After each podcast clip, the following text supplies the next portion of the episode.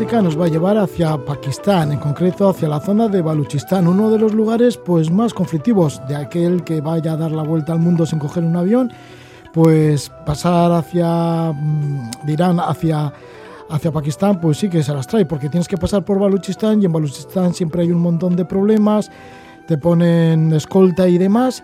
Y de esto nos va a hablar Marta Insausti. Marta Insausti, que nació en Madrid en el año 1963, tiene orígenes guipuzcoanos y ha dado la vuelta al mundo en moto, o está en el proyecto de dar la vuelta al mundo en moto, porque de momento la tiene la moto parada en Valparaíso, en Chile, en donde le cogió la pandemia, pero hasta allí pues fue desde Europa, desde Madrid, salió desde la Puerta del Sol y desde allí pues fue recorriendo en ruta por diferentes partes de Europa, viviendo un montón de, de lugares así bien bonitos en cuanto a paisaje, pues estuvo por la maravillosa costa dálmata, por los Balcanes, por Bulgaria, por Turquía y además llegó a Irán y en Irán tuvo la grata sorpresa, o bueno, la grata suerte porque ya me imagino que lo esperaba, de que apareció su hija, que también se llama Marta, y allí estuvieron dos mujeres en moto, que debió ser la bomba por lo que nos contaba en un primer capítulo, este es el segundo capítulo que hacemos en Levando Anclas, fue una bomba que dos mujeres eh, estuvieran por allí, por Irán en, en la moto, y además se les acercaban un montón de mujeres también locales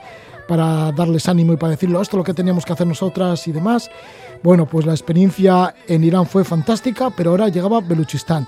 ¿Qué le sucedió allí? Ahora nos lo cuenta Marta Insosti, a la que le damos la bienvenida. Muy buenas noches, Marta.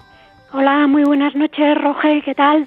Marta, pues sí, que estábamos, que estábamos y nos estabas contando en otra ocasión, en el primer capítulo que relataste aquí en Levando Anclas, lo bonito que fue tu viaje por Europa hasta llegar a Irán. Irán fue fantástico, pero bueno, ¿sabías que llegabas a Baluchistán, que era una tierra un tanto difícil?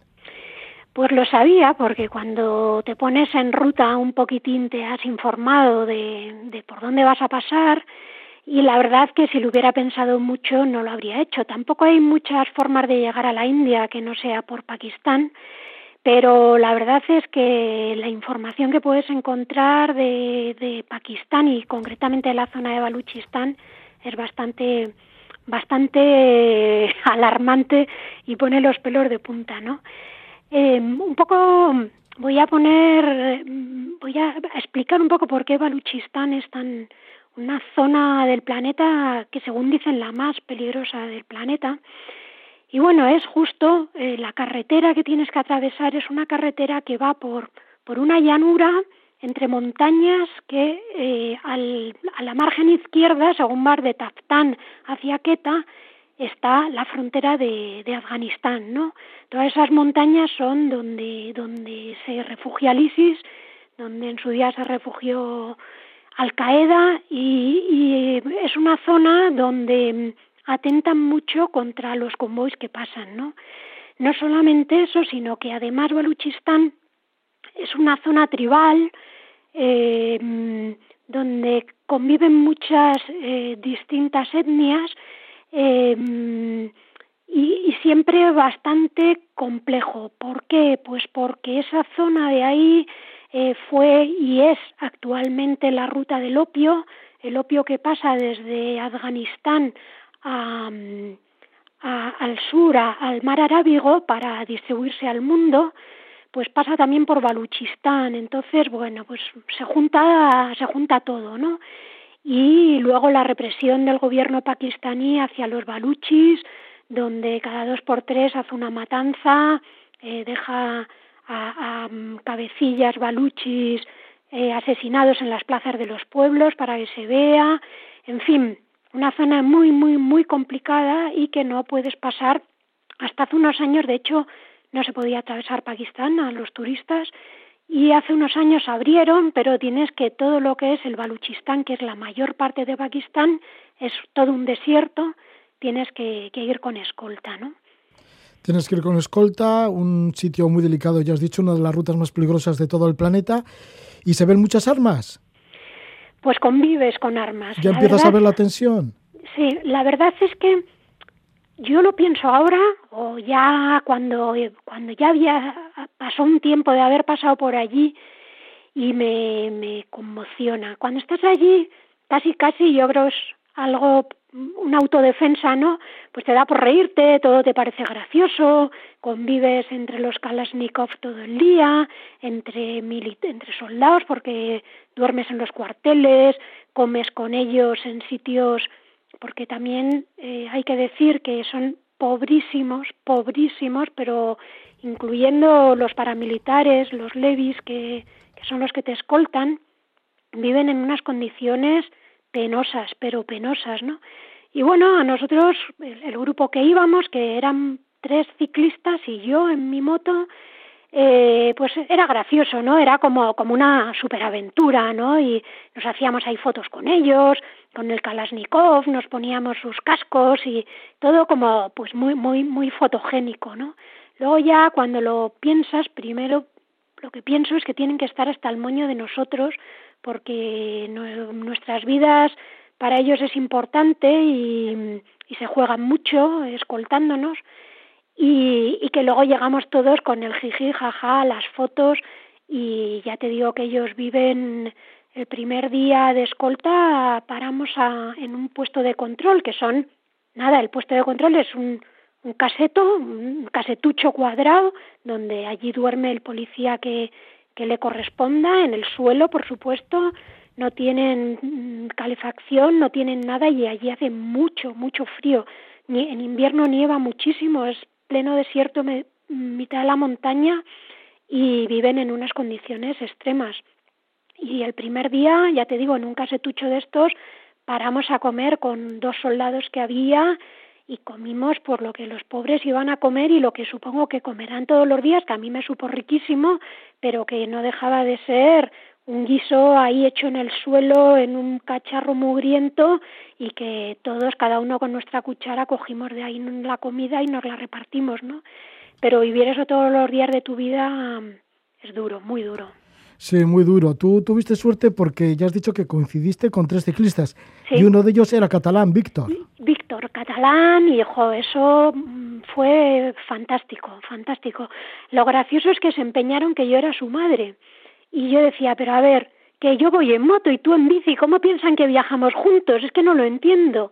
Pero nada, no, no hubo forma de que entendieran que dos personas que hablaban el mismo idioma y que nos llevábamos mucha diferencia de edad no fuéramos madre e hijo, ¿no? Y entonces la primera noche que dormimos en, en Dalbandín, que nos metieron en un hotel mugriento, que nosotros pidiendo que por favor nos dejaran ahí en el cuartelillo, que, que nos daba igual dormir al raso, nada, nos llevaron a, a un sitio mugriento que lo llamaban hotel, pero vamos, las paredes y el techo estaban como manchados como de sangre. Bueno, era horrible, horrible. Es que no, no, no te lo puedes...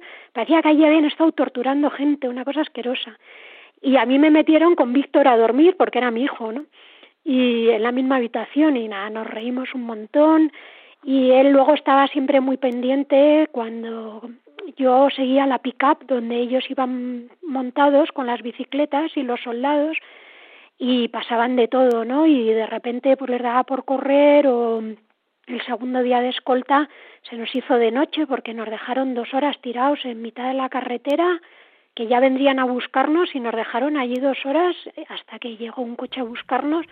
Se nos hizo de noche y justo eh, la entrada Queta, eh, Queta está en la montaña y eran unos puertos de montaña terribles, sin, sin ninguna señal ni raya en el suelo, eh, en el desierto con arena y tal y ahí debían de tener ganas de llegar, empezaron a correr, me perdí, no veía nada porque el faro de mi moto pues no es muy y encima allí venían todos los camiones esos pakistaníes llenos de luces de frente, bueno, en fin, horrible.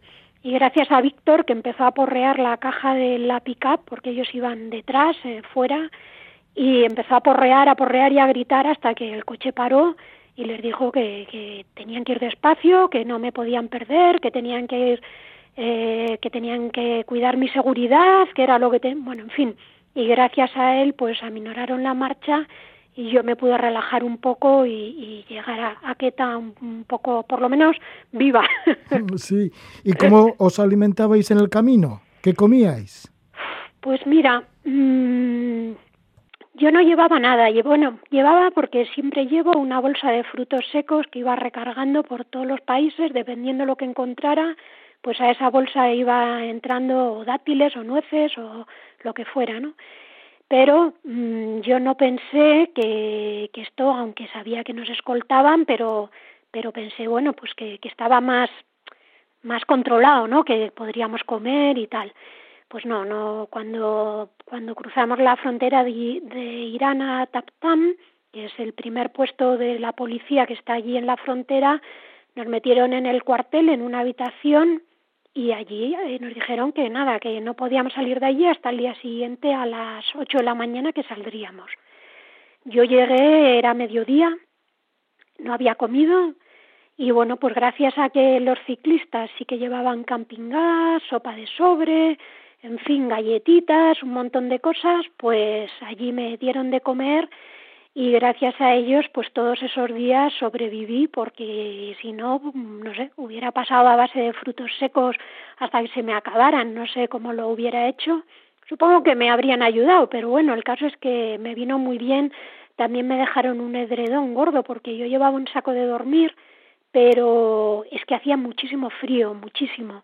Y por el día no por el día hacía calor pero luego por la noche y donde dormíamos en cualquiera de los cuarteles no tenían cristales las ventanas y por la noche hacía un frío horrible. Y la primera noche me la pasé con una tiritona y al día siguiente lo comenté y me dejaron unos edredones y tal y que llevaban los alemanes y bueno, pues la verdad es que me salvaron la vida.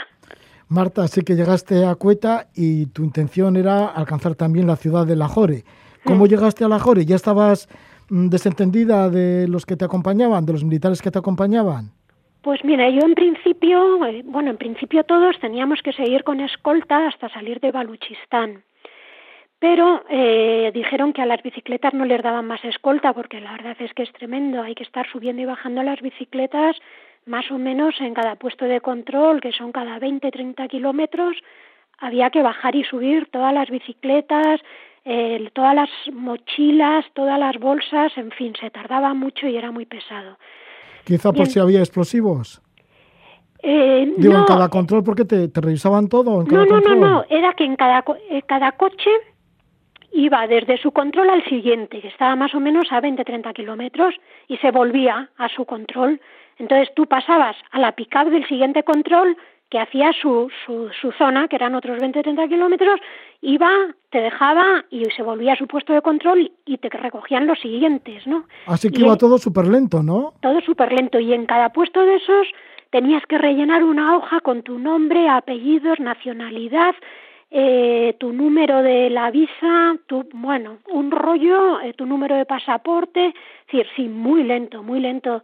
Eh, tardábamos el día entero, hacíamos alrededor de 300 kilómetros y nos llevaba, salíamos a las 8 de la mañana y el primer día llegamos anocheciendo y el segundo llegamos como a las 11 de la noche, es decir, tremendo, muy cansado, la verdad, y muy, muy pesado, muy pesado. Al final, al principio te hace gracia, luego ya empezaba el mal humor, porque además, pues, cargaban y descargaban las bicis, les daban golpes, lo hacían no lo hacían los soldados, pero que muchas veces como no entraban las cosas, pues les tiraban las mochilas y bueno, pues ya a veces se ponía un poco tenso el ambiente de gritos y tal y había que, que decir, venga, venga, tranquilidad, que no pasa nada, que estamos todos muy cansados, porque claro, según iba pasando el día íbamos estando muy cansados, muy cansados y, y ya no aguantabas nada, ¿no? Yo, por ejemplo, el día ese que se nos hizo de noche, como nunca en la vida me imaginé que se nos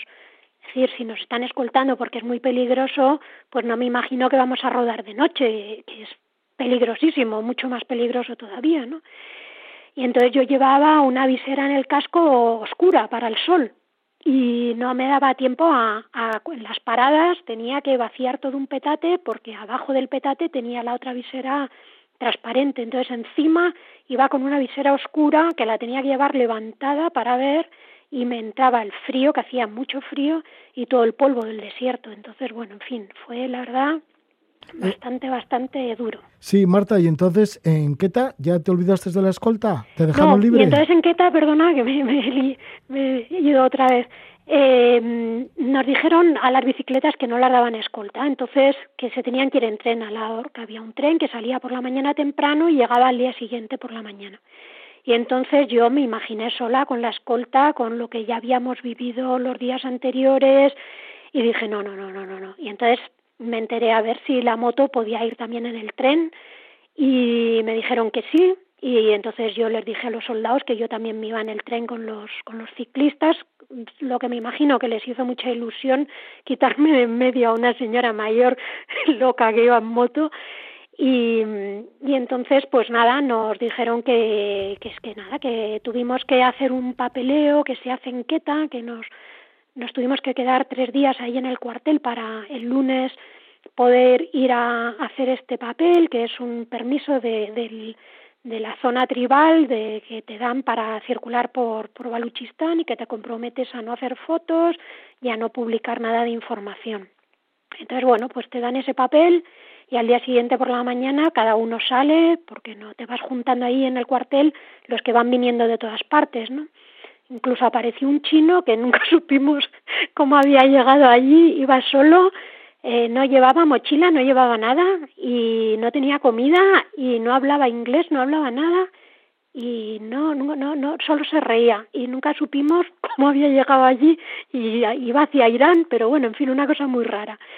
Y, y bueno, pues eh, nada, al día siguiente íbamos a coger el tren, nos habíamos sacado el billete para nosotros, para las personas pero nos dijeron que el billete del equipaje lo teníamos que sacar allí mismo el día de salida, que teníamos que llegar una hora antes y ya sacar el billete.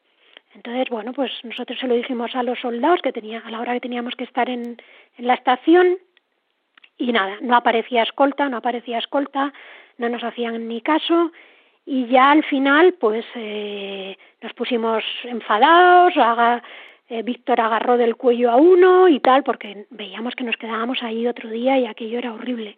Ya, que perdíais el tren. Eh, claro, perdíamos el tren, sí, sí. Y entonces ya de repente nos dicen, venga, subiros a las bicis y a la moto, iros solos. Y no sabíamos ni ir a la estación, bueno, fue horrible. Y llegamos que quedaban como diez minutos para salir al tren y nos dijeron, se vino un, un soldado en moto con nosotros, ¿no? y nos dijeron que no, que no, que no podíamos, que no había sitio en el furgón de equipajes y tal. Entonces, bueno, le montamos un pollo al soldado y este se fue a hablar con un militar que había allí en la estación. El caso es que les hicieron del furgón de equipaje empezar a bajar cosas para meter nuestras cosas, que era prioritario, que teníamos que salir en ese tren. A mí me hicieron quitar las maletas fijas de la moto, las metálicas de atrás, aparte de los petates y las mochilas que yo llevaba y el casco y las botas y todo tenía que quitar eh, y todo esto, el tren salía ya. Sí, ya todo esto seguramente que la estación estaba a tope de gente. Bueno, imagínate estas estaciones como las imágenes que a lo mejor estamos más acostumbrados a ver de la India, ¿no? De un, un andén atestado de gente, de vacas, de, de gente con unos fardos en la espalda gigantes, carros para acá, bueno, horrible, un estrés, un estrés que, que bueno, en fin. O sea, un estrés que, claro, la estación llena de gente, el tren a punto de salir, que tú tienes que quitarte los cajones de... De la moto, de que la tenía moto. que llevar todo a nuestro vagón, que era el último vagón, el furgón de equipaje era el primero, era un tren larguísimo, de estos, pues eso, como los que siempre hemos visto de la India, que son infinitos, y, y tenía que llegar al, al, al último vagón y yo no tenía manos, mis, mis compañeros igual, con todas las mochilas de la bici que ellos pensaban dejarlas, también las tuvieron que coger, bueno, imposible. Y de repente apareció un grupo de niños, me cogieron absolutamente todo el equipaje y empezaron, go, go, go, go, go, que corriera, que corriera, empecé a correr detrás de ellos, que no veas cómo corrían los chavalitos, parecían galgos. Y yo detrás a todo lo que daba, me tiraron todo dentro del tren, me subí ya en marcha, y mira, nos me ahí en el suelo diciendo, no puedo más, me quiero ir de este país, ya no puedo más, esto es, vamos, horrible. Y luego el tren tardó 30 horas en llegar a la hora, en fin, pero bueno, el tren, la verdad, me encantó, porque primero me encanta el tren, me encantan los trenes antiguos de estos que puedes ir con la ventanilla bajada, sacando la cabeza, me inflé a hacer fotos dentro del tren, a la gente que iba en el tren, fuera del tren, por todos los pueblos que pasábamos, de los paisajes, que en la moto nunca, nunca puedo ir haciendo fotos, entonces esas 30 horas, yo no sé la cantidad de fotos que hice, fue, fue una experiencia, la verdad, muy chula. Marta, así que cuando llegaste, después de todo ese estrés, llegaste y te tiraste al suelo, allí mismo, ¡pum! Ahí en el tren, en el tren, cuando yo ya me vi subida, me tumbé en el suelo, ahí en el, donde, en el descansillo del vagón, con todas las maletas ahí alrededor, pero es que porque me iba a poner a llorar, pero a llorar de estrés, de, de no puedo más, de pero ¿por qué son así? ¿Pero por qué hay que vivir así? Y, de que no, me no daba crédito que habíamos cogido el tren, no me lo podía creer. Eso te iba a decir, de eso de no me puedo creer, pero bueno, ya estoy aquí. Pero estoy aquí, sí, sí, ya me voy a la hora, ya salgo, salgo de Baluchistán, me olvido. Aunque luego realmente nosotros creíamos que ya nos habíamos olvidado de la escolta y cuando ya estábamos instalados en el, en el compartimento, que eran unas literas, llegan unos soldados y nos dicen que son nuestra escolta. Joder, o sea que la, pesadilla no termina. no termina, que no nos podíamos asomar, que no nos podíamos mover del vagón, que no eh, tal, que tuviéramos todo tal, que en las estaciones no nos bajáramos. Claro, por supuesto, ni caso. Yo, vamos, me bajaba en todas, hacía fotos de todas, mm, me asomaba en todo. Claro, cada dos por tres me cogían y me arrastraban otra vez al compartimento, me echaban la bronca y, en fin, pues te digo que tienen que estar hartos de los turistas, pero claro, tú te ves ahí que, que dices, yo no me puedo perder esas fotos. O, claro, era el típico tren como, como aquí antiguamente, que paraba una hora en cada estación, ¿no? En algunas estaciones, entonces te bajabas, comprabas comida, eh, ibas al baño, en fin, que, que, que, era todo una experiencia, ¿no? Y entonces, pues cómo no íbamos a, a, a vivirlo, ¿no? Sí, nos está contando estas vivencias Marta Insausti. Marta Insausti, que fue en bici, eh, perdón, en moto, iba a decir en bicicleta, bueno, con tus compañeros ahí sí que iban en bici, pero bueno, que tú saliste en moto y además en una Royal Enfield, que es una moto clásica de la India, saliste de la Puerta del Sol de Madrid con la intención de llegar a la India, para empezar a la India, la Fundación Vicente Ferrer, que era tu primer objetivo. Y claro, pues para pasar mm, de mm, Irán a la India, pues decidiste irte por Baluchistán, ahí estaba la escolta, ahí te fuiste acompañada por esa escolta, armas por todos los lados, todos los inconvenientes que tuviste, junto con esos tres compañeros también que iban en bicicleta, que también iban escoltados. Luego llegaste a Cueta y de Cueta ese tren a la Jore de 30 horas. Finalmente, ¿cómo conseguiste llegar a la India? Pues nada, al final conseguí, tuve que ir a, a, a, a Islamabad a por la visa, porque yo creía que la podía hacer online y no. Pero bueno, pasé por desde Lahore, que está la frontera, eh, pasé a Amritsar, ya a la India, y bueno, me fíjate cómo será Pakistán para que eh, pasar a India me pareció que era súper relajado.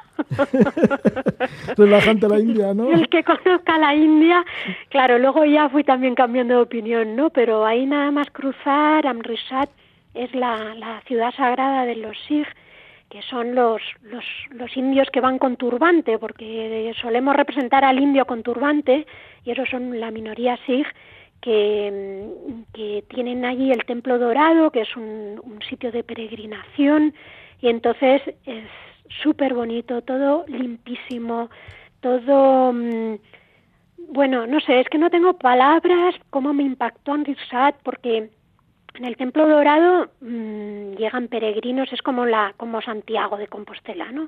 Llegan peregrinos de todas las partes de, del mundo, todos los Sikh de todas las partes del mundo y, y se les da a todos de comer peregrino o no peregrino, si yo me metía ahí a comer, te dan de comer, da igual tu religión, da igual tu raza, da igual, todo el mundo es bien, bien recibido y se les da de comer. Entonces, hay unos comedores, bueno, unos comedores, unas salas con la gente sentada en el suelo, de miles de personas comiendo y, y, tuve la suerte de que empecé a zascandilear por las calles de atrás, de por fuera del templo y encontré las cocinas que bueno era un sitio con, con fuego de leña con unos cacharros inmensos, inmensos, tengo unas fotos preciosas.